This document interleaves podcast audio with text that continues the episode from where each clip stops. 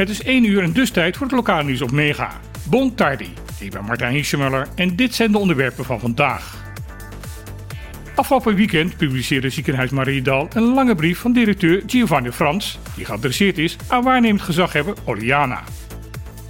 Daarin beschuldigt Frans de media van het geven van onjuiste informatie en stemmingmakerij.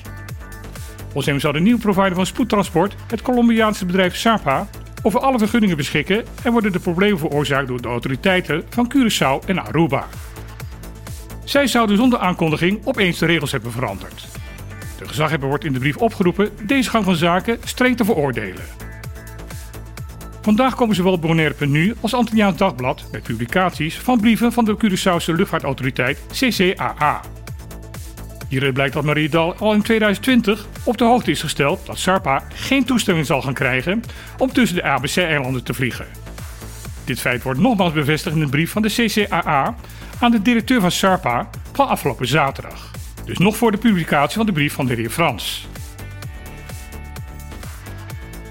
Het promoten van het gebruik van hervulbare waterflessen begint serieuze vormen aan te nemen.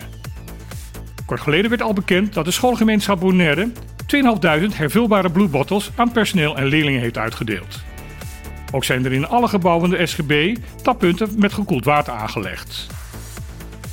Nu is duidelijk dat ook de overheid van Bonaire een duit in het zakje gaat doen.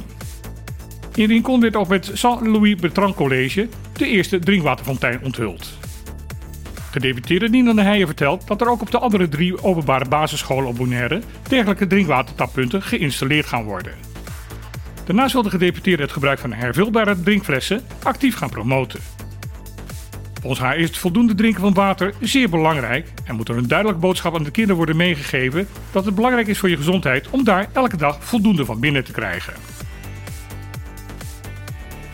Al een poos is bedrijf Roffarief in de water rondom Bonaire bezig met het kweken van koraalvissen. Deze vissen zijn van levensbelang voor het behoud van het koraalrif waar Bonaire zo beroemd om is. Roffarief is een initiatief van de Rotterdamse aquarist Sander van Lopik. Hij was voorheen werkzaam bij de Rotterdamse dierentuin Blijdorp. Daar heeft hij een speciale methode ontwikkeld om op een effectieve manier viseitjes te kunnen vangen en die in een beschermde omgeving op te kweken. Met de steun van de Rotterdamse Zoo is Van Lopik daarna zijn experiment in Bonaire in praktijk gaan brengen. Dit blijkt zeer succesvol te zijn. Zo succesvol dat zijn voormalige werkgever besloten heeft om Rafarief op te nemen in de zogenaamde Caribische Hub. Om dit soort initiatieven beter te kunnen ondersteunen, zal Blijdorp een kantoor Bonaire gaan openen, van waaruit lokale en regionale natuurbehoudsprojecten begeleid en uitgevoerd zullen gaan worden. Niet alleen de wegen op Bonaire zijn slecht, ook op buureiland Curaçao wordt er steen en been geklaagd over de kwaliteit van de infrastructuur. Daar moet nu verandering in komen, vindt de regering van het land. Daarom heeft minister van Verkeer Charles Cooper een meerjarig onderhoudsplan aangekondigd. Dit plan zou moeten lopen tot 2039. Om het plan te kunnen uitvoeren moeten 310 miljoen gulden worden vrijgemaakt. De plannen zijn ambitieus. Met dit bedrag zouden de gaten in de wegen, onverzorgde bermen, slecht functionerende straatverlichting, rioleringsproblemen, problematische sluiproutes, verkeersopstoppingen en het gebrek aan openbaar vervoer opgelost moeten gaan worden. Er is door de minister aan de Centrale Bank en het College van Financieel Toezicht gevraagd om hier geld voor te mogen vrijmaken. Dit was weer het lokale nieuws van vandaag op Mega. Ik wens iedereen een dag toe zonder hobbels en valkuilen. En dan heel graag weer.